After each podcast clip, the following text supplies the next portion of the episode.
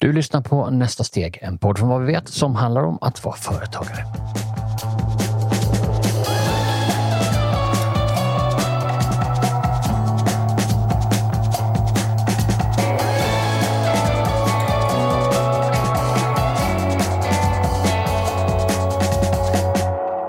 Jag har aldrig träffat en konsult som inte tycker att de är värd en rejäl timpenning. Det kan tyckas litet, eh, som ett argument hämtat ur en L'Oreal-reklam.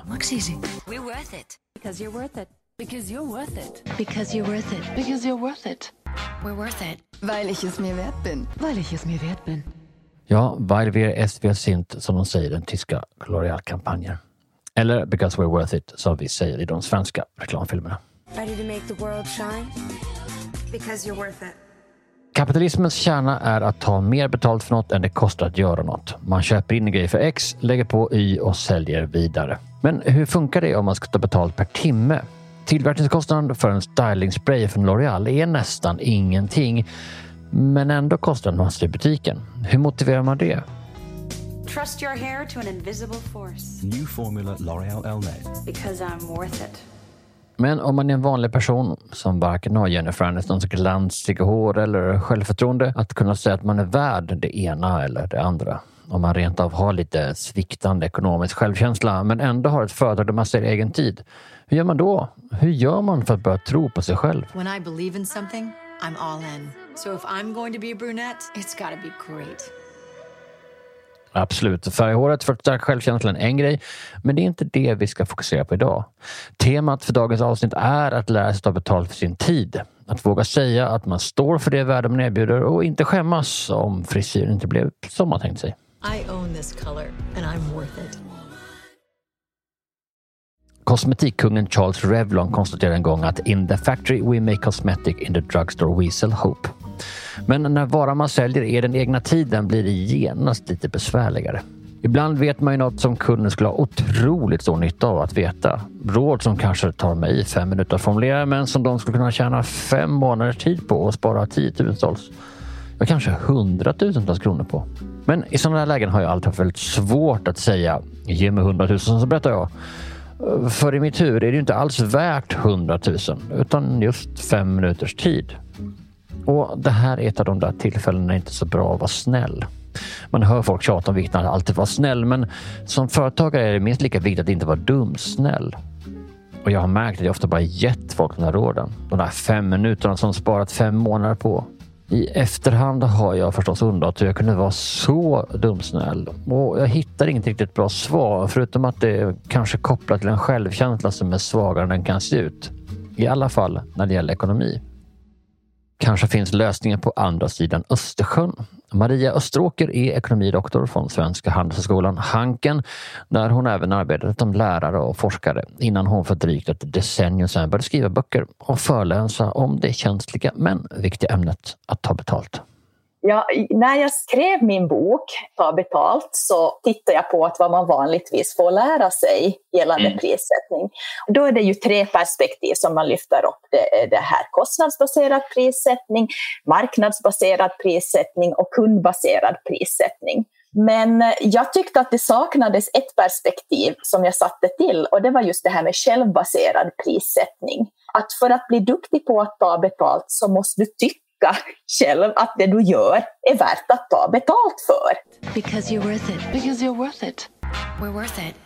Och det finns en del sån här, tycker jag, såna här små grejer man kan tänka på som gör att det blir lättare att ta betalt och kanske också lättare att tacka nej till sånt som man kanske inte tycker är lönsamt. Jag berättar för Maria om hur svårt jag haft att ta ordentligt betalt. Om mitt sviktande självförtroende kom till att sätta en prislapp på min egen tid. Men hon menar att det kan också bero på att jag har sviktande kunskaper på andra områden också. Alltså, hon säger inte det sådär tydligt, men det framgår när hon vänligt orienterar mig i de delar som utgör pris. Prissättning handlar ju, jag brukar tänka att det handlar om tre saker. Det handlar om logik, det handlar om magi och sen handlar det ganska mycket om psykologi. Och man har ju pratat mycket om psykologi, det här att ja, just att eh, 99 känns mer som 90 än 100 och vad man ska ha för färg på sina prislappar och så vidare. Men jag tycker psykologi också handlar ganska mycket om, precis som du säger, hur man själv ser på det här med att ta betalt. Är det någonting som man vill få ut maximalt eller är det någonting fult eller vad är det? Jag brukar ju säga så här till folk att det är jättelätt att få massa med idéer som företagare, men det är ju jättesvårt att få affärsidéer. Alltså att få sånt som faktiskt det går att tjäna pengar på. Men sen har jag också ett sånt här motto som jag brukar köra för mig själv och det är att mod är viktigare än talang. Så just de här personerna som du nämner, så, så många gånger är det ju de som det faktiskt funkar rätt bra för. Alltså de som vågar ta för sig och berätta hur bra de är och tycker att det här är ju jättebra det jag gör. För dem funkar det rätt så bra för. Men så har vi också de här talangfulla som kanske innehållsmässigt är mycket bättre än de här som går på. Men de har inte den här självkänslan och det här självförtroendet att synas, att berätta varför de är bra. Alltså att få någon att helt enkelt förstå varför ska jag betala någonting för det här överhuvudtaget. Det är svårt att... Liksom, det, jag tycker man hamnar i det där att man... Jag tänker ibland att hade det varit i södra Europa det här hade varit så mycket lättare. För då hade någon sagt att eh, Vad är Maria? You're crazy! Och så ger man något slags annat bud. Men när vi säger Finland och Sverige, bara du säger X, jag bara jaha. Ja, exakt. Ja, och sen är det ju också beroende förstås på lite vad man säljer, men som enmansföretagare eller speciellt om man är kanske mer säljer någonting som man har skapat själv, till exempel, ja, som i ditt och mitt fall, mycket det här med att man säljer en föreläsning. Så där blir det ju väldigt personligt och där blir det ju många gånger att om någon säger men det här är ju alldeles för dyrt, att det här vill jag inte betala. Så det blir väldigt personligt. Man, många tar det som så att jaha, att jag är inte värt så här mycket, de tycker jag är dålig. Så att, att det är väldigt mycket förankrat också i ens personlighet och hur nära man känner sig det man säljer. Vilket är både bra och dåligt, för man, eller hur ska jag säga, på ett sätt är det lättare att sälja någonting som man inte känner någonting för. Men på ett sätt blir man den bästa försäljaren är den som faktiskt vågar sälja någonting som man själv tror väldigt starkt på och brinner för. Men det finns några knep när det gäller prissättningen som man nog behöver lära sig. Och jag fattar att om Maria här hade följt upp den här cliffhangern och sagt att och det kan du hitta i min bok som heter Ta betalt och som kostar 152 kronor närmast nätbokhandel. För vad skulle jag då kunna säga? Men som tur är så förklarar hon vad hon menar generöst nog. Ja, vilka knep är det? Ge mig alla knep. Det första jag sa ju redan att för mig så är prissättning logik, magi och psykologi. Och det här med psykologi tycker jag är så jätteintressant och jag brukar, när jag är ute och föreläser så brukar jag säga att det finns en sak som de absolut inte får glömma bort. Om de bara kommer ihåg en sak från hela föreläsningen så är det det här. Att eh, man kan höja pris på två olika sätt. Man kan höja det monetärt, alltså i euro och cent eller kronor och ören. Och sen kan man höja det psykologiskt, alltså att det börjar kännas dyrare. Och de här båda sätten går inte alltid hand i hand. Så tänk dig nu, att, om jag tänker så här, att jag kommer i kontakt med en produkt som jag tycker jättemycket om och den kostar, säg nu 12 euro, 120 kronor. Eh, och jag tycker mycket om den, då kommer jag troligtvis också att köpa den fast den kostar 14 euro. Alltså här har vi 2 euro skillnad. Kostar det 63 euro jag tycker om det kommer jag troligtvis att köpa det fast det kostar 67. Ju högre pris man har, ju mer kan man ju jobba med det här. Till exempel 647 känns inte dyrare än 630. Här har vi 14 euro skillnad. Och jag skulle till exempel aldrig sälja en föreläsning för säg nu 1000 euro. Jag skulle sälja den för 1180 eller 1230. Och här har vi 180 euro skillnad, alltså säg nu 200 euro skillnad, nästan 2000 kronor. Och det är mm. bara en grej som man kan få upp genom att man tittar på sina pris och frågar sig att hur mycket kan jag höja de här prisen utan att de börjar kännas dyrare? På ekonomiska så talar man om priselasticitet. Att priser inte alls är så hårda och fasta och klart definierade som en eh, djupfryst kyckling. Utan de är lite mer som gummikycklingar. Sådana leksaker som min hund Bosse gillar att bita i. Men det funkar förstås inte alltid Men förvånansvärt ofta så går det att höja lite grann. Det som man också måste komma ihåg det är ju att en liten, liten prishöjning spelar inte så stor roll för kunden. Men den kan ha jättestor betydelse för dig om du höjer priset lite på varje fakturerbar timme eller på varje liten enhet du säljer. Som gummikycklingar. Vi ska verkligen inte förringa de här små, små höjningarna. Och det är också ett problem som många gör, att man är rädd för att höja sina pris, så man väntar ganska länge och vips kanske kostnaderna har stigit och så hamnar man att, att höja rätt mycket. Och då blir det kanske märkbart för kunden. Men om man istället höjer någon 40 procent med jämna mellanrum så vaggar vi ju in kunden i det här att så här är det. Så det är ju en grej som jag tycker man borde fundera mycket på. Sen eh, tycker jag också att många tänker på det här med prissättning som någonting väldigt allvarligt. Och det är det ju, för att det påverkar ju lönsamheten super, super mycket i ett företag. Men jag tycker att, att man borde våga experimentera lite och testa lite olika grejer. Att, säg nu att man fakturerar per timme och så tänker man att nästa offert som jag skickar iväg, då ska jag minsann höja mitt eh, timarvode med 25 kronor i timmen. Och så gör man det. Och så vips, tänk om man mitt i allt bara fortsättningsvis säljer lika bra. Mm. Eh, eller tänk om man står på en marknad och, och säljer leksaksbilar och så tredje timmen så tänker man nej nu ska jag testa att höja priserna 10 procent. Och tänk om man fortsättningsvis bara säljer. Och jag menar säljer man inte så får man väl sänka sitt timarvode eller sänka priset på leksaksbilarna igen. Att det går ju alltid att testa. Okej, så det där handlade alltså om att höja priset. Men Maria pratar ju också om ett annat sätt, om att höja värdet värdebaserad prissättning. Eller som Maria också säger, den kundbaserade prissättningen. Jag ber henne förklara det. Då är vi ju inne i just det här med den kundbaserade prissättningen. För vi har ju alla varit med om en sån situation där vi har tänkt att okej, okay, nu ska jag köpa en sån här produkt eller börja anlita en sån här typ av tjänst. Och så har man tänkt sig lite ungefär vad man har för budget och vad en sån här grej ska kosta. Och mitt i allt, vips, så kommer man i kontakt med en produkt som man tycker mycket om, men den är dyrare än vad man hade tänkt sig.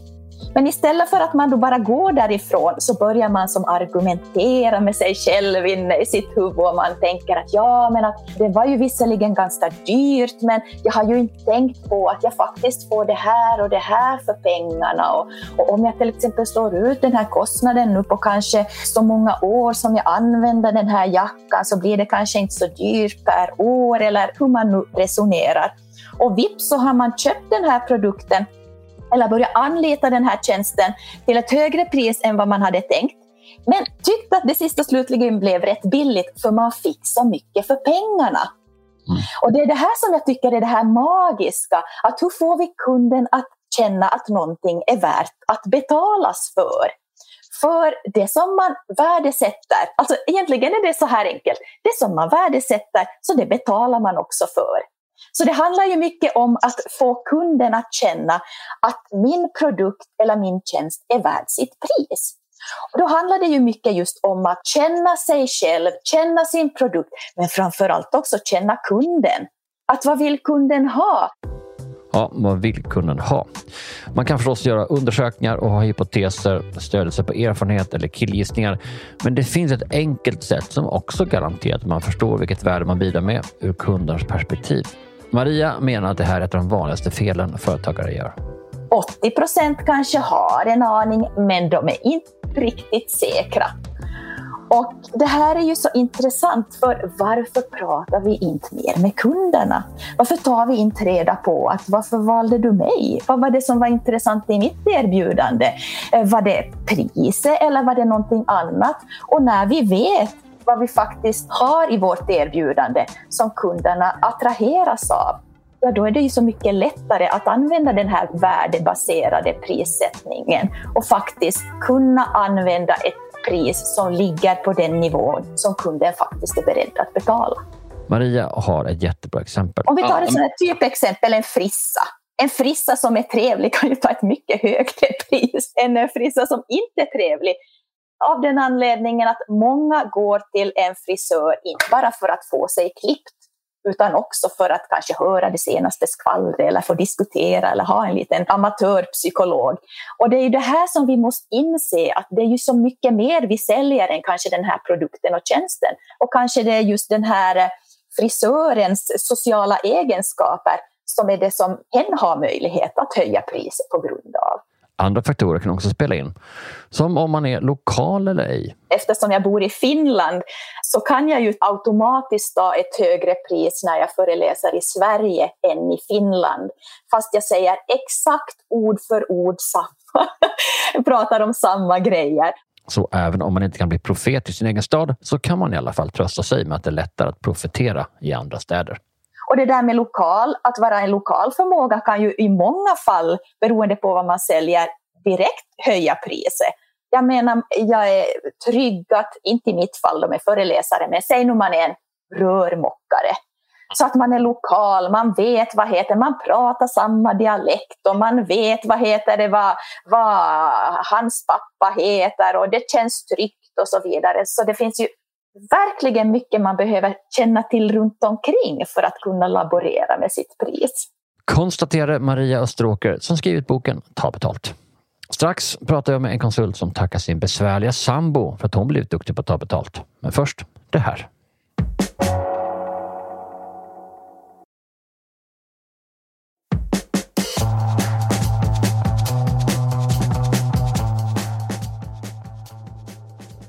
Till att börja med så hade jag en fantastisk nytta av min sambo som var jättebesvärlig när jag skulle starta mitt företag. Och satt och funderade på liksom vad jag ville och hur jag skulle paketera det. Och han återkom hela tiden till frågan att vad lämnar du efter i min verksamhet som gör att jag är beredd att betala en faktura ifrån dig? Inte bara en gång kanske, utan gärna flera gånger.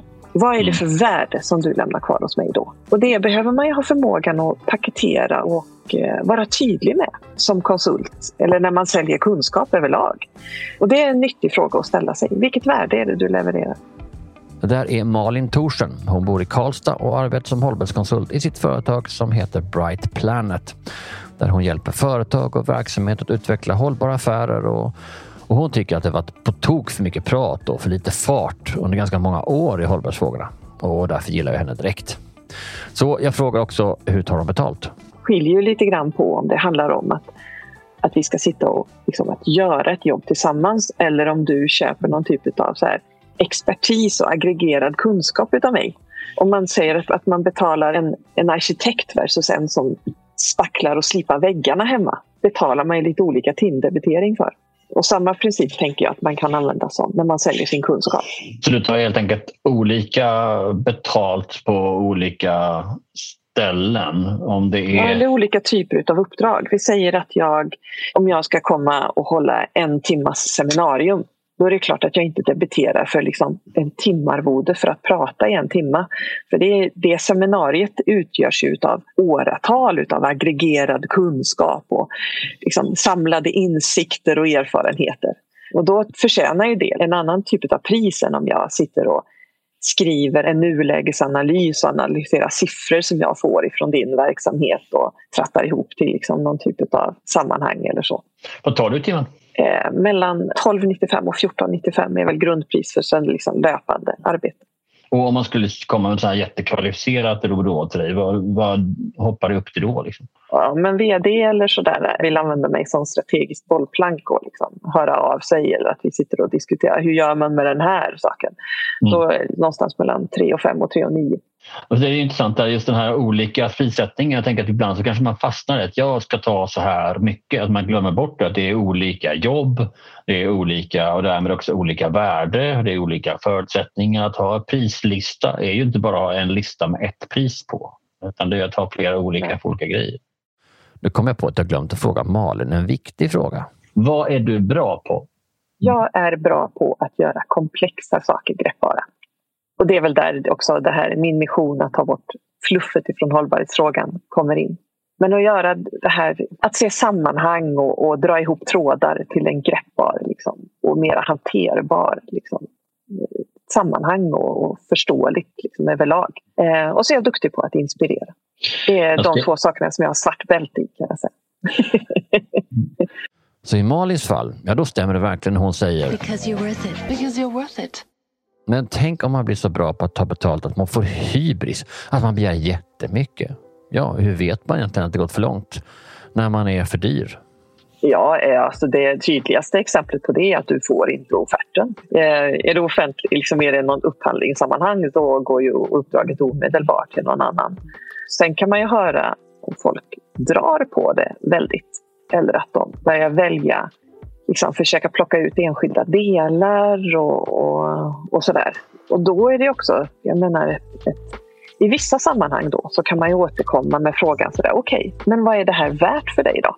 och få en tryckmätare på det. Och I vissa sammanhang, det har jag varit med om då, att då har det liksom så här gått till halvering av den summan som jag har offererat. Och då får ju jag ta ställning till om jag tycker att det är värt att göra jobbet då eller inte. Hur gör du för att inte bli kränkt då? Alltså, när någon säger en sån sak så är det också att alltså, det kan ju också vara så här, ja, ja du Malin, jag tycker du är värd ungefär hälften vad du själv är värd. Det är en himla bra fråga. Eh, jag tänker att det är lite blandat. Jag har som affärsprincip do good, have fun, make money. I den ordningen. Vilket innebär att jag som jag har varit inne på tidigare, att jag i första hand vill jobba med företag eller verksamhet som vill något. Det är en grundförutsättning. Det andra är att det ska, att det ska kännas roligt. Och det tredje är att tjäna pengar. Jag menar, jag driver eget företag, jag ska dra in min egen lön. Det är klart att jag vill liksom ha någon typ av bra liv vid sidan om att bara liksom jobba. Men de andra två kriterierna försöker jag jobba med så mycket som möjligt. Att de ska vara ifyllda i första hand. Och då kan det vara så att i, ett, i något sammanhang att jag känner att ah, det där skulle ju vara superkul. Jag skulle lära mig jättemycket eller jag vill verkligen ha en fot in där eller vad det nu handlar om. Och då kan jag ju kanske komma fram till att nej, men jag, jag tar det ändå. Sen kanske inte, nu tog jag i, det har liksom varit en gång tror jag som jag, det har varit någon som har halverat. Men annars har de ju kanske kunnat återkomma och säga, nej men vi har det här i budgeten. Vad kan vi göra för det då? Och då tar man ju ett resonemang kring det. Det behöver inte vara svårare än så. Det där var Malin Thorsson, hållbarhetskonsult i Karlstad. Eftersom Almi är vår samarbetspartner för den här säsongen av Nästa steg så får jag ringa en av deras rådgivare. Kristin Teleman har fått frågor om hur mycket man ska ta betalt massor med gånger och på olika sätt. Hon har suttit och hon har lyssnat på mängder av företag. som har haft mängder med idéer på hur de ska kunna tjäna mängder med pengar och ta massor betalt. Ja, det hör man ju här. innan du fokuserar så himla mycket på hur du ska ta betalt för det du är, ja, för det du säljer. Ja, men fundera då på, kommer kunden, är, är- det här relevant för kunden? Kommer kunden vilja ha det här eller ska jag lyssna? Jag måste ju såklart sälja in lite grann vilket område det handlar om. Men jag kanske också ska fråga, vad, vad är det? Har den här personen några problem med detta eller företaget? Eller möter jag ett behov på något sätt så jag inte slösar med min försäljning? Hänger du med på vad jag menar? Det här är egentligen att liksom gå till det som, som jag själv är väldigt förtjust i, nämligen värdebaserad prissättning. Det kan vara någonting som du tycker är pyttelitet men som de tycker är superstort. Exakt. Och tvärtom. Exakt. Ja, och det vet man ju inte förrän man har börjat prata och fråga. Jag berättar för Kristin hur jag börjat en del företagsidéer med att tänka hur mycket jag skulle vilja tjäna och sen räknat baklänges i någon slags ganska konstig bakåtriktning som varken är prisbaserad eller värdebaserad utan något annat, eh, något krångligt. Ja, precis. Och så fastnar man lätt där. Och då tror jag att man behöver ta sig ur den eh, fällan. Men det är också det som är svårt. Det är ju jättejobbigt att prata med kunder. I, vissa, I många fall kan det vara jätte, alltså supersvårt att våga ställa frågorna. Men jag tror på att vara genuint ärligt nyfiken. Alltså man kan ju vara ärlig med att eh, det här är, är jobbigt för mig men jag skulle behöva eh, fråga dig en del grejer för att få lite bättre koll. För att, få, för att se hur gör jag det här på bästa sätt. Jag drar det där om sviktande ekonomisk självkänsla och kommer på mig själv att det verkligen låter som jag ältar det här nu. Men Kristin har en annan tanke att det inte alls handlar om det utan om vanlig osäkerhet. Det kan ju ha med en självkänsla att göra. Det kan också ha med en tydlighet att göra. Att man kanske inte riktigt har gjort den här att man känner att man är osäker själv. Att man inte är säker på vad man säljer in. För att man har inte den tydligheten. Och, och man kan få hjälp i tydligheten tänker jag då genom att fråga kunden. Man behöver inte sitta inne på lösningen själv. Utan genom att kunden talar om vad den behöver. Handen på hjärtat är jag faktiskt inte lika darrig längre när det gäller att ta betalt. Och det som hjälpte mig är faktiskt den där insikten som Kristin just levererade. Jag har slutat tänka på mig själv, på mitt värde och hur jag värderar mina råd, hur andra gör det och istället försöka koncentrera mig på de behov som de på andra sidan bordet har. Jag har till och med ett litet fuskkort jag har gjort som är vad har företaget för mål de närmaste åren? Vad har företaget för stora planer de kommande året? Det är de här målen som är avgörande för att veta vad vi ska sälja till dem. Uh, och, och då kan vi också, som det gör ju att man också förstår vad som är viktigt och då kan man också kanske våga vara lite modigare i sin prissättning. Ja men superbra och det jackar in väldigt mycket det jag hade tänkt också som att ja, men, när du ställer frågor, om du har möjlighet så ställ inte bara frågorna som är direkt kopplade till den här tjänsten som du nu vill sälja in utan går det att luska lite mer kring företaget, kring organisationen, kring teamet och vad de tänker och så. Så jag håller helt, helt med dig. För det kan komma fram en del saker. Det kan, kan ju komma fram att någon annan sitter och tar ett beslut kring det här och då är det ju intressant att veta vad, vad är det som är viktigt för att... Alltså vad behöver den personen då för att känna sig trygg i det beslutet? Kan ju vara så. Ehm, men, men man vet inte riktigt om man inte frågar. Sa Kristina Teleman på Almi. Och det hon fick mig att förstå var att det kanske kan vara så att jag inte alls lider av sviktande ekonomisk självkänsla. Att det är det som hindrat mig att få betalt. Utan jag istället varit drabbad av finansiell narcissism och bara suttit och tänkt på mig själv och nästan blivit lite sur och tänkte att jag minsann borde få massor med betalt. Because I'm worth it. Som företagare har jag lärt mig det mesta genom att lyssna på andra. Så vilken företagare tror du skulle uppskatta dagens avsnitt? Använd dela-knappen här i poddappen och välj om du vill messa eller mejla. Dela sociala kanaler, använd hashtaggen nästa steg så kan ännu fler upptäcka det här. Jag vill också tipsa om att följa vår företagskanal på Instagram kallad www.foretag enkel v enkel v enkel v foretag där vi förklarar sammanhang du som företagare vill ha koll på. Modern allmänbildning för företagare helt enkelt.